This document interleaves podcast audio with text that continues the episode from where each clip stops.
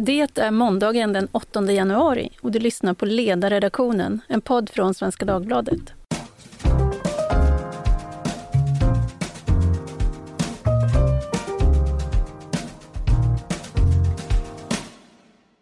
God fortsättning! Jag heter Tove Livendal och idag sitter jag här i studion med tre av mina kollegor, Peter Wemblad, Mattias Svensson och Paulina Neuding. Välkomna tillbaka! Tack så mycket! Tack! Tackar! Det här är ju första arbetsdagen på kontoret detta år, så vi äter upp gamla julkakor och tar hand om post. Om ni skulle sammanfatta er jul och nyårshelg med tre ord, vilka blir de då? Mattias? Äntligen som vanligt. ja, det var fint. Paulina? Mätt, eh, bokläsning, eh, snö. Mm. Peter? Eh, mycket sömn, mycket mat och mycket hundpromenader. Ska Paulina eller jag påpeka att det där var sex ord? Ja, nej, man kan inte räkna med någon längre. ja, och själv så är det familj, mat och trivsel som blir mina tre ord för de här helgerna. Och det har det ju också varit i den vi pratade på morgonmötet idag om att det har varit en lugn, att det varit lugna dagar, vi som har jobbat i jul och mellandagarna har haft det lugnt och det innebär att man inte behöver riva upp sidorna och skriva om. Men samtidigt om man tittar på nyhetsläget så kan man ju säga att det inte alls har varit lugnt. Och i, i, i poddande stund så är det en polisman som ligger på sjukhus och kämpar för sitt liv. Så att det har ju det är bara det att en del av de nyheter som tidigare hade varit stora, stora händelser blir vardag på ett sätt som egentligen inte är nyttigt, tänker jag. Eh, igår öppnade Folk och Försvars rikskonferens i Sälen där Volodymyr Zelensky inledningstalade att han 2024 skulle vädja till Sverige om fortsatt stöd mot Rysslands invasionskrig är kanske inget som förespeglade oss för ett decennium sedan att vi skulle vara här idag. Och jag skrev en text igår att den som läser försvarsberedningens rapporter från 2023 respektive 2013 kommer hitta rätt stora skillnader. 2013 så beskrevs läget med orden Europa upplever den säkraste och fredligaste situationen på vår kontinent någonsin.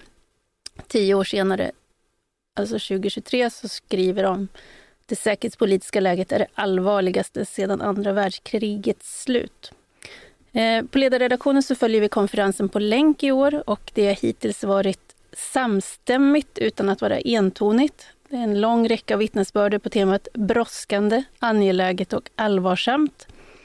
Eh, Anna Rudels från Svenska institutet tog oss med till King Baduan-stadion där två svenska supporters i 25-årsåldern hade gått för att heja på sitt landslag men slutar med att de plockar av sig sina svenska tröjor för att kunna ta sig ut i staden. Och eh, hon, eh, på Svenska institutet så tittar man på Sverigebilden och den är ju inte längre en utan det är flera. Det finns robusta delar i bilden som inte förändras så enkelt. Men det har tillkommit andra, dels då genom koranbränningarna, dels också genom den här internationellt orkestrerade kampanjen mot socialtjänsten. Eh, Magnus Hjort, som eh, är på Myndigheten för psykologiskt försvar, pratar om att vi har sett ett kraftigt försämrat läge. Sverige är ett mål numera i informationsmiljön från statliga aktörer, terrororganisationer och andra icke-statliga aktörer. Och eh, förutom då nämnda LVU-kampanjen och så har det då tillkommit många aktörer i Mellanöstern. Det har varit, skett uppmaningar till terrordåd mot Sverige. Eh, vi har sett en ökad inblandning från Ryssland som har jagat på bilden av Sverige som ett islamfientligt land. Och en tilltagande stor desinformation, desinformationsmängd efter Hamas terrorattack och kriget mellan Israel och Hamas och tilltagande antisemitism samt hot kopplade till det.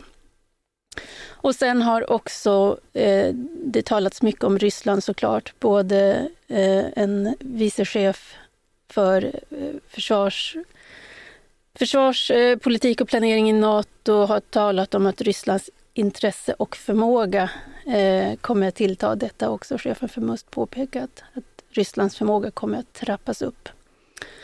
Så att det här är, det är liksom över hela linjen så har representanter för både regering, och opposition och experter och myndigheter lyft fram behoven som eh, är att stärka längs hela linjen. Eh, det handlar i Sverige, det handlar om militärt försvar, civilt försvar, behovet av att stödja Ukraina. Det här är ju frågor som har varit med oss under ganska lång tid, hela förra året, har vi skrivit om detta på olika sätt och talat om det här. Eh, men jag skulle ändå vilja veta vad ja, den här lite korta sammandraget, vad det väcker för tankar hos er. Paulina, ska du börja?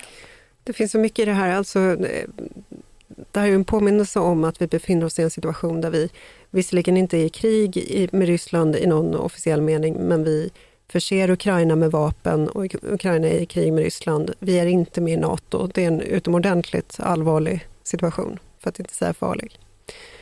Det är det ena. Sen så har vi, jag tror att det här är en påminnelse om hur oerhört destabiliserande 2015 var migrationsvågen, eh, immigrationspolitiken som vi har fört. Alltså, eh, hela diskussionen om LVU är ju en konsekvens av att vi har haft en invandring som vi inte har klarat av att integrera. Alltså det sker någonting i mötet mellan den svenska synen på barns rätt och den väldigt stora migration som vi har haft och flera av de familjer som, familjer som har figurerat i den här kampanjen har ju varit relativt nyanlända migranter. Man kommer till Sverige och sen så, så har man en uppfattning om att staten kommer att ta ens barn. Och i Sverige har man ju haft den här väldigt naiva bilden av att folk vill komma till Sverige därför att man vill ha det här Astrid Lindgren-Sverige där vi står upp för, för en massa saker. Men det är inte nödvändigtvis så. Och i det här mötet så har vi, vi har verkligen fått ett uppvaknande när vi inser oj, det finns eh, en massa människor som har kommit hit som eh, känner stor fientlighet mot den här typen av värderingar och som tycker att svenskar förtjänar eh, den här desinformationskampanjen, men kanske rent av våld på grund av de värderingar som vi står för. Eh, och jag menar, en sån här, det här lättsinnet med vilket vi tog oss an 2015, att det är klart att hur många som helst kan komma hit och så vidare. Vi börjar se konsekvenserna av det nu. Eh, antisemitismen, det här, de här olika desinformationskampanjerna, båda då. Eh, det, det är en väldigt allvarlig situation helt enkelt. Eh, jag tänkte Magnus Ranstorp också talade nu på Folk och Försvar och han eh, eh tillhör ju de forskare som har tittat väldigt mycket på LVU-kampanjen och när han fick frågan om ja, men vad gör vi framåt då, så han talar ju om en helt annan närvaro eh, av ja, allt ifrån information till liksom kvarterspoliser, alltså en närvaro av det offentliga Sverige på ett sätt som inte har sett tidigare. Därför att det är ingenting, man kan inte förvänta sig att saker och ting ska lösa sig av sig självt, utan det kommer att krävas eh, en helt annan aktivitet om man ska få en, en ja, om man ska få bort det som blir ändå sen då eh, så här rekryteringsbaser för allt ifrån kriminella gäng till då, så, ja, i värsta fall då också eh, som personer som är begå, beredda att begå terrorhandlingar. Och det, det är inte länge sedan vi hade de här koranbränningskravallerna. Och det är intressant när man lyssnar på poliser som var där, för de vittnar om ett fullständigt besinningslöst våld. Alltså människor som var ute efter att mörda. Ehm, jag lyssnade på en polis som sa, eller det var återkommande när man hörde vittnesmål från poliser, när de sa att det gick inte att prata med folk. Alltså, de här poliserna de är utbildade i att det, det ska dialogas liksom i något skede. Och det fanns liksom inget utrymme för dialog. Och det var inte en person som var våldsam, utan det var hundratals. Ehm, det, det är en utmaning, minst sagt. Mm. Mattias, vad tänker du? Jag blir alltid lite så här när, när, när folk är så entydigt negativa så väcks min sån här, eh, jag har inte nödvändigtvis en bättre bild, men det finns ändå ett par saker som är ett mindre hot än för ett par år sedan. IS är inte samma kraft som då. Eh, om vi tar anledningarna till att vi har två terrordåd på svensk mark som faktiskt utförs. Båda av dem utfördes med anledning av Sveriges krigföring i Afghanistan.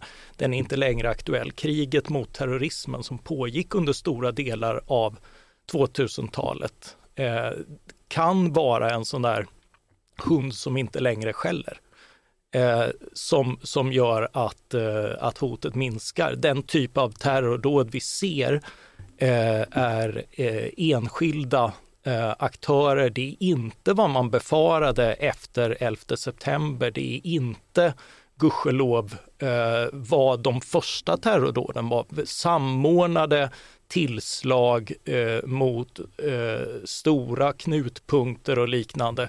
Eh, de ligger gudskelov ett par år tillbaka i tiden. Eh, och eh, eh det, det, det är liksom en del. Så, så terrorn är kanske inte på sin absoluta topp vad gäller hot. Det är ju ingen tröst för de som faller offer förstås. Uh, och det är inget som, som tar undan att, att Sverige hamnat i blickfånget på ett annat sätt jämfört med andra länder. Men, men mot Europa bör det ju ändå ha, har minskat. Sen har vi förra året var det så pass att man, man pratade mer om det växande hotet från högerextrema med, med mord i Almedalen och liknande och den typen av, eh, av hot därför att därför att det var tillfälligt eh, från, det, var, det var tillfälligt minskande från islamistiska krafter som nu i år har kommit tillbaka. Så det är en påminnelse om att, att det finns sällan liksom räta linjer i detta utan, eh, utan upp och ner. Sen är ju det andra det, eh, det militära hotet och det är ju från eh, alltså tre stater som är mer och mer samordnade, Kina, Ryssland och Iran. Uh, och, och där ser vi ju uh, en växande aggressivitet uh, där vi dock ska komma ihåg att inget av de länderna agerar utifrån en styrkeposition. Eh, det är länder som sköts illa, vars ekonomi är på dekis, vars utveckling på många sätt går mot all guns no butter därför att det är den väg de valt. Det gör dem i stunden farligare, eh, men det gör dem också eh, lättare att besegra om det skulle komma till en konflikt. Mm. Och du har precis varit på årets första måndagsmöte, eller hur? Ja, det stämmer. Ja. Hur var uppslutningen?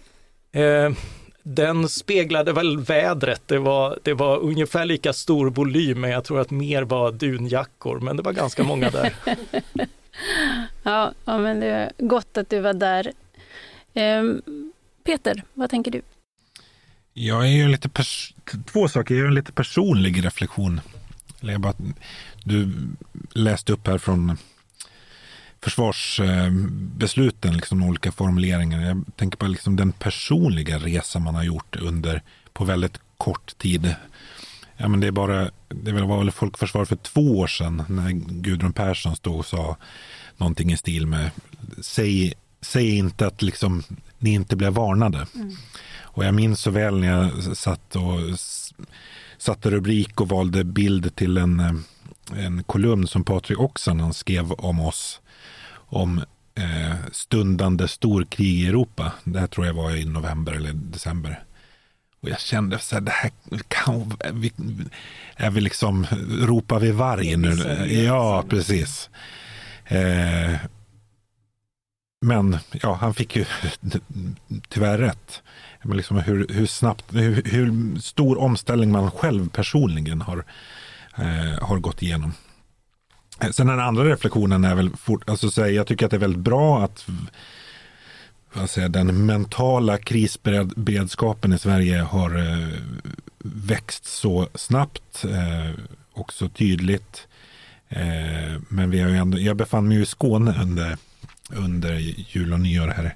Alltså då fick man ändå en illustration av hur stor klyftan fortfarande är mellan vad säger, mental beredskap och förmåga. Alltså det räckte med att en långtradare med dåliga däck blev stående på E22 utanför Hörby för att det liksom skulle bli eh, enorma konsekvenser. Det blev ju massa människor sittande i många timmar i, i kylan där. Eh, och just att liksom polis, militär, alltså alla aktörer som liksom när det blir skarpt läge ska rycka in inte kunde inte, inte visste vem det var som körde. Eh, och egentligen var ju, alltså det, det, var inte så komplicerad situation att lösa egentligen, men den blev väldigt komplicerad just på grund av den bristande förmågan att agera. Mm. Ja, och det där är ju just att man... För nu sitter vi ju som ändå, ska man säga, med skägget i brevlådan. Och eh, vi, vi kan bara, tänker jag, vara lyckliga över att ingen har kommit sig för med att verkligen koordinera ett sätt att försöka trycka till oss. Det görs ju hela tiden, ska man säga. Varje dag så blir blir eh, medier och företag och andra eh, aktörer utsatta för olika försök till intrång eh, cybervägen. Så det är klart att på det sättet så sker det ju. Men, men just att, att kombinera det. Men just när man läser tillbaka olika saker och konstaterar att oj, oj, oj, varför, varför såg vi inte saker tidigare? Och de här som var med, jag har ju då tillbringat eh, de senaste dagarna, inte i Skåne utan på Gotland. Och, eh, tralat med en hel del personer som har varit under, haft långt perspektiv på det här med hemvärnet till exempel och sett hur, med förtvivlan hur det har monterats ner och Alltså, man man, inte bara, man har inte låst dörren till skyddsrum, man har liksom fyllt igen dem och satt spettet i dem och nu sitter vi i en situation där vi hade behövt dem där för att känna oss tryggare. Jag tänker också på, apropå det där du sa, när man går tillbaka och tittar på artiklar. Vi hade ju en artikel i juli 20 1 av Anders Åslund som eh, vi gav rubriken Planerar Putin en ny attack på Ukraina därför att tecknen var så tydliga. Han hade ju trappat upp retoriken och Anders avslutar sin artikel med det okonventionella eh, i, i ledarsammanhang uttrycket Gud hjälpe oss. Eh, eh, därför att han tyckte att det var så många tecken. Han har ju följt Ryssland under många år och kunde se vart det barkade hän. Eh, så det är ju det är det där tecknen finns. Eh, och nu kan man ju säga, det som ändå är förändrat är att på Folk och Försvar så, så eh, är så här, ja det finns eh, det finns röster som ifrågasätter och, och naturligtvis på olika grund, men det finns en stor gemensam förståelse för hur läget ändå ser ut och det är ju någonting som ändå är välkommet. Och sen gäller det att man det, det, det, det är bra Mattias att man har sådana som instinktivt också reagerar när alla sjunger i kör därför att det finns ändå saker som man inte tänker på. Så den, den uppgiften är, är väl så viktig också. Ja, men tycker det är värt att reflektera över hur, alltså hur mycket krisberedskap kan man liksom planera fram? Mm. Eh, alltså det har vi ju sett väldigt tydligt i Ukraina. Alltså det som har gjort den ukrainska, de framgångar som den ukrainska armén har haft har ju byggt i hög grad på improvisation. Och där, eller liksom har satt civilsamhället steppar upp på sätt som man inte kunde eh, förutse. Ehm, och det har man ju sett även i, i Sverige de gånger vi har utsatts på prövningar. Alltså även nu i, i Hörby. Alltså när, myndighet, när de ansvariga myndigheterna är liksom lamslagna. Ja men då öppnar den lokala krogägaren sig till att folk som sitter i bilarna får mat mm. och någon sticker ut och delar ut dryck. Och liksom, det är ju i det där lilla improviserandet som det. det händer väldigt mycket. Det bevisar att det starkaste argumentet alltid kommer att vara verkligheten. Ja. När den förändras så tvingas man både tänka om och agera. Jag lyssnade, men jag tyckte Magdalena Andersson, jag menar, det är ju, det är, vi har ju det pågår just nu en väldigt ogenerad eh, försök till historieomskrivning från socialdemokratiskt håll om, om migrationspolitiken. Eh, och det kan man säga att även den här omsvängningen som det partiet har fått göra i de här frågorna av det säkerhetspolitiska ställningstagandet har ju varit dramatiskt. Men välkommet. Ja, men det är bra att de har, har kommit. Jag tyckte Magdalena Andersson eh, hade en eh, tycker jag, respektingivande resonemang idag när hon först talade om att det här behovet av att stödja Ukraina eh, från hela EU kommer att kräva att vår egen militära produktion ökar kraftfullt. För det, annars ger vi ju bort, så att säga. Det vi ger bort måste vi också kunna ersätta. Och det betyder mer vapen och mer ammunition och vi behöver kunna producera det själva också. Eh, och så säger hon det, jag gick ju inte med i SSU för 40 år sedan för att jag drömde om en ökad vapenproduktion. Men sen så förklarar hon att det krävs. Hon har liksom sett det därför att det här är vad som krävs för att kunna försvara vårt sätt att leva. Nej men det där apropå måndagsmötena till exempel, det är, ju, det är ju länder där detta utnyttjas av folk som försöker sälja in den här liksom om vi Eh, om vi ger upp så kan vi få eh, slippa de umbäranden som är, som för andra länder kan vara rätt tuffa på grund av att man har gjort sig beroende av rysk gas och liknande. Eh, och, eh, och liksom att, eh, att, att man kan ge efter och få, och få fred då eh, och, och missar helt att det här är en imperialistisk stormakt vars ambitioner inte stannar i Ukraina. Så, så varje medgivande kommer att leda till högre aptit, inte lägre. Men att då i Sverige kunna stå och lyssna på till exempel Ardalan Shekarabi som, som jag liksom är emot ideologiskt på väldigt många punkter och vet att det här är vi överens om. Eller Leonidas Aretakis på Flamman som har eh, varit föredömlig i sina ställningstaganden mot diktatur på ett sätt som, som verkligen hedrar den delen av vänstern. Eh, att, att, ändå, att ändå kunna ha den samsynen i det här grundläggande eh, är ju ändå värdefullt för ett land. Det, det blir lite tråkigare debatt, men, men, eh, men det kan man definitivt leva med. Det finns andra saker att vara oense om. Det gör det. Hörni, nu har vi kommit fram till mitt favoritmoment. det heter Ledarredaktionen jobbar. Eh, och det innebär att ni får berätta för poddens lyssnare vad ni arbetar med just nu. Så det innebär ju faktiskt en möjlighet att få glänta bak gardinen på vad som ska komma på ledarsidan. Mattias, vad jobbar du med? Ja, eh, idag eh, blev det en reflektion. Eh, ja, men då kan jag direkt gå över till vad jag är oense med sossarna med. Eh, jag, jag, har ju noterat då att, eh, att de, de vill eh, börja tilltala män därför att de förlorar, inte minst unga män. Det finns en eh, polarisering eh, män-kvinnor bland ungdomar Eh, där, där eh, män är på högersidan och kvinnor på vänstersidan.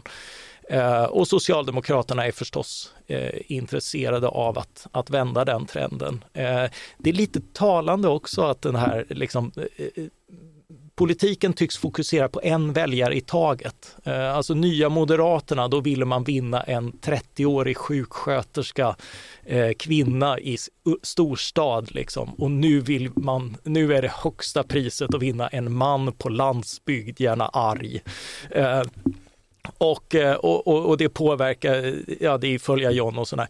Men det, det de har då är framförallt en analys av att killar har, har lämnats efter i Eh, Eh, i skolarbetet och sådana. Inte utan poänger med, med att eh, skolan är väldigt teoretisk också i de praktiska ämnena och sånt där. Oerhört abstrakt så att man inte ens har fokuserat på kunskaper utan, utan förmåga att göra resonemang och sådär. Eh, sossarnas poäng är då att det här har gynnat eh, skötsamma tjejer framför struliga killar om man ska hårdra det, liksom, så killarna hamnar utanför och, och är offer och sådär. Eh, det är inte utan poänger och det är definitivt något som skolan behöver åtgärda, att, att liksom uppvärdera de praktiska kunskaperna också, ihop med de teoretiska kunskaperna och skippa analysflummet. Eh, men eh, det är så talande att sossarna nu talar det här språket om offer. När de vill tilltala någon ny grupp så är det med budskapet det är synd om er.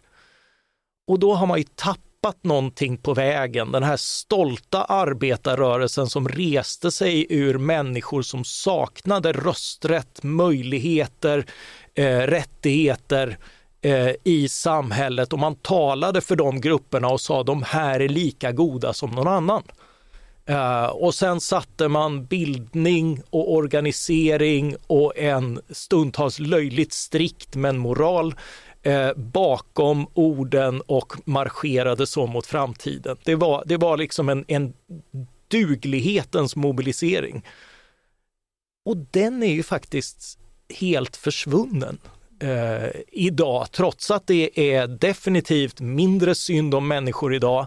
Eh, vi kan ha många problem, men eh, fattigdomen var värre, möjligheterna var färre eh, och fördomarna gick dessutom djupare, klyftorna i samhället, möjligheterna för vad som var tänkbart för kvinnor eller arbetare eller roller att göra. Allt det har minskat och ändå ska det pjoskas mer med människor idag. Jag, jag, tror att det här är en förlust, inte bara för socialdemokratin utan faktiskt för, för samhället med, med den här retoriken att, att, att staten liksom har blivit en mamma som ska blåsa på själsliga sår. Peter, jag tänker på en bok som du och jag gjorde en gång. Skärp dig Svensson, ja. heter den. det var inte riktat till ja, dig ja, jag, har, jag har hört det många gånger, inte minst idag när jag återigen varit inopportun och ifrågasätta värnplikt. ja, nej men jag tror verkligen att det där är, det är ett sånt... Eh, det, det, det är en fruktansvärd eh, handling från politiken att, att uppmuntra folk till att göra sig svagare än vad de är istället för att vädja till det som är starkt och det som ska växa. Så det jag tänker att det är, ja, det är bra på dem. Paulina, vad jobbar du med? Jag, håller, jag har läst en bok, eller håller på att läsa en oh. bok, som heter The Soul of Civility av Alexander Hudson. Eh, och det är en ganska kul historia för att eh, Alexander Hudson är dotter till en etikettexpert och har skrivit en bok om civilitet eller hövlighet som grunden för eh, eh, ja, det civiliserade samhället och för politiken. Så att även om det här är, hövlighet är ju förstås en del av eh, vår privata sfär, så bär den upp, vad, eh, den bär upp det offentliga och politiken och vad politiken förmår att göra.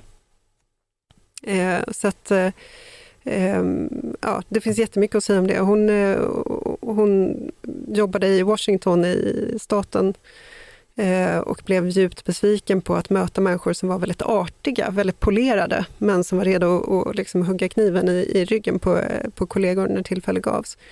Eh, så att hon har en väldigt intressant reflektion om att ja, men artighet är en sak. Artighet är att jag säger vad fin du är i håret Mattias och så, så kanske jag inte menar det. Det är artighet. Men, om, men hövlighet, alltså riktig hygglighet skulle vara att jag liksom tar fasta på nu är du jättefin i håret. Men, så... Det känner vi jättekonstig stämning här i rummet. Nej, men om jag skulle ta fast, ja men din text var ju jätteintressant. Det, det är hövlighet eller, eller hygglighet. Eh, och grejen med artighet är att det används ju som ett sätt att skilja människor, att säga en slags shibollet. Liksom. Nu hittade inte du rätt bestick till sniglarna, så du är en sämre person än jag, haha. Så kan ju artighet fungera, men så funkar inte den här hyggligheten. Och, och, det, och liksom, hygglighet och hur man ska bete sig i det privata och i mellanmänskliga relationer. Det här har ju sysselsatt politiska tänkare sedan Egypten. Men har det, att göra, har det att göra med vad man har för intention då, tänker jag? Skillnaden mellan artighet och hövlighet, absolut. Mm. Eh, men, men just detta, hon, hon går igenom hela idéhistorien från då, eh, faraoniska Egypten till Twitter och hur man har sett på hövligheten som grund för politiken.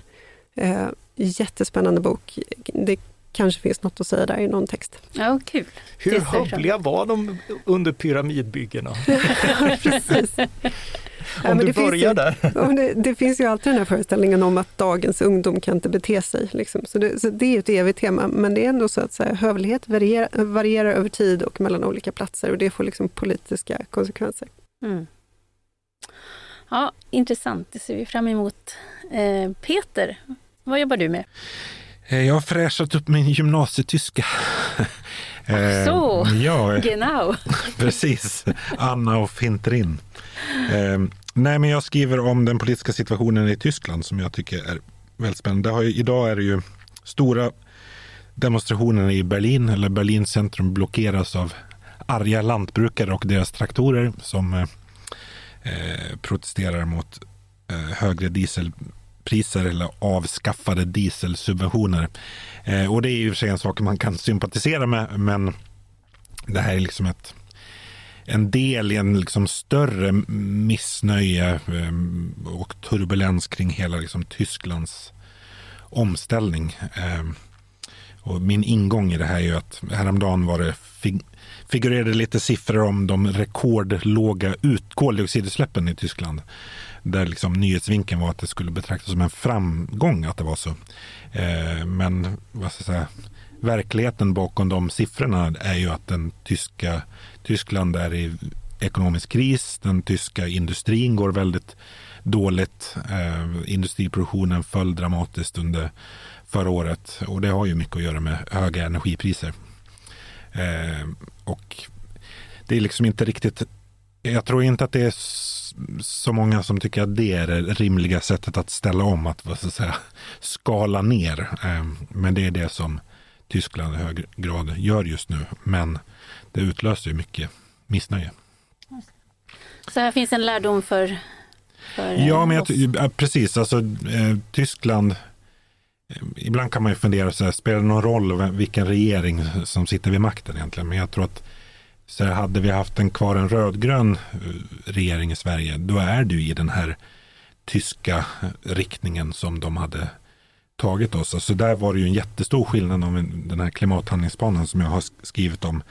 Alltså ett per, stort perspektivskifte där liksom den här regeringen trycker på att här, omställningen måste genomföras i en växande ekonomi. Med liksom, det måste kopplas ihop med, det ska inte gå ut på att vi, alltså det enklaste sättet att kapa, kapa utsläpp det är ju bara att lägga ner mm. all mänsklig verksamhet. Så, eh, men det är inte dit vi ska. Pandemivägen. Exakt, jag tänkte på den. Då reste vi ju så lite, ja, men världen blev sämre av det också. Så. Ja, men det där låter bra. Då får vi läsa om det snart också. Eh, vi ska ju, jag, jag, jo just det, jag ska också säga vad jag jobbar med. Eh, Gunnar Strömmer och Ulf Kristersson presenterade idag uppe i Sälen en nationell strategi mot våldsbejakande extremism och terrorism. Och det finns ju då två befintliga strategier redan, men nu har man sett behov av att integrera arbetet mellan de här eftersom snittytorna är så påtagliga. Alltså dras man in i det våldsbejakande så är vägen kortare till terrorism för att uttrycka det väldigt kortfattat. Så att jag sitter och tittar på den nu och försöker se om det är eh, ja, hur mycket som är, är på riktigt. så att det inte är ordmagi vi håller på med, för det har vi inte tid med. Men det är klart att eh, min grundinställning är väl att är det en ny tid med nya hot så behöver man förmodligen arbeta på delvis nya sätt också för att kunna möta det. Jag tänkte att jag skulle avkräva er varsitt nyårslöfte. Jag hörde när jag käkade lunch med Peter idag att du aldrig avger privata nyårslöften, men du får göra ett professionellt då. Och det är till läsare och lyssnare inför 2024. Vad lovar ni våra, våra följare? Du får börja Peter, bara därför. Ja, men det har ju hänt lite då och då att jag har gjort granskningar på eh, ledarsidan och hitta lite egna nyheter. Sånt där. Så att jag, det, jag kan lova att vad är det, jag, har, jag kan lova att det är en, mål, att, en målsättning. Att, målsättning. Ingela Thalén dök in i studion. Eh, om att lyckas eh, med det även under 2024. Ja, det låter bra. Paulina, vad är ditt löfte? Eh, jag ska eh, aktivt läsa mer än vad jag gjorde förra året. Målet var en bok i veckan. Det kommer jag inte riktigt upp i, men det tänker jag komma upp i den här veckan. Och det kanske... Den här veckan bara? Eh, den här, det här året, nej. Eh, och, och, det kanske lämnar avtryck i kvaliteten på tankarna. Mm. Vem vet? Ja, men det är bra. Ja, det gör det ju redan. Inspireras här också Mattias. Ja, du har ju bra text idag. Ja, tack. jag förstod inte. Du tänkte att det var någon sån här back compliment.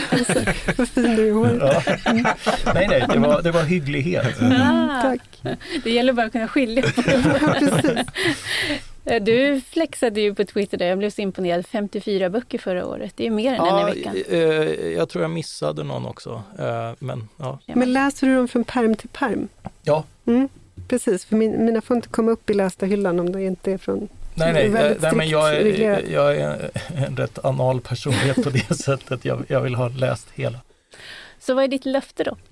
Ja, alltså eh, det är ju av nödtvång efter levern. Att, eh, vi var ju inne på det här före jul när Peter sa att han att det går inte att förhandla med fysik, men det gör jag varenda gång jag försöker knäppa mitt bälte. uh, så, så mitt nyårslöfte var ju att försöka komma i mina byxor och, och sen skrev jag aningslöst det på Twitter varpå folk gjorde en annan läsning av det förstås. en mer tonårig som inte hade slagit mig faktiskt. Så, så det blev ju ofrivilligt underhållande. Alltså jag läste den och var helt övertygad om att det var medvetet. Jag tänkte det här är Mattias humor. Nej, jag såg, jag såg den inte komma. Gud. Men, men ska, har du något annat löfte till läsarna och lyssnarna än att du skulle komma i dina byxor? Eller komma i, komma i, ja. Nej, det har jag faktiskt inte, utan ni får följa den här dramatiska kampen och... Eh... Du kanske kan eh, utlova att du ska vara liberal? Ja, det vågar jag definitivt. Alltså, alltså grejen är att jag, jag har så roligt på mitt jobb att jag vill bara fortsätta med vad jag håller på med. Så jag har inga som helst ambitioner utöver att bara vara här. Bara Mig vara. blir ni inte av, av med. Det var lite fint. Ja. Eh, mitt löfte då är eh, egentligen som varje år, men vi ska bli ännu bättre på det vi gör. Eh, och eh, det är det bästa sällskap tänkbara man kan göra, av, av, liksom, avge sådana löften. Så eh, med det så är ju den här, det här året igång ordentligt. Tack säger jag för denna samtalsstund. Mattias Svensson, Paulina Neuding och Peter Wemblad. Tack själv. Tack så mycket. Det är alltid lika roligt att vara Tack till er som har lyssnat och har ni frågor eller önskemål om vad vi ska podda om? Jag såg att Andreas har efterlyst också i sociala medier tips på, och inspel på saker ni vill att vi ska ta upp i podden, så kontakta ni ledarsidan svd.se. Producent idag är Jesper Sandström och jag hoppas att vi snart hörs igen.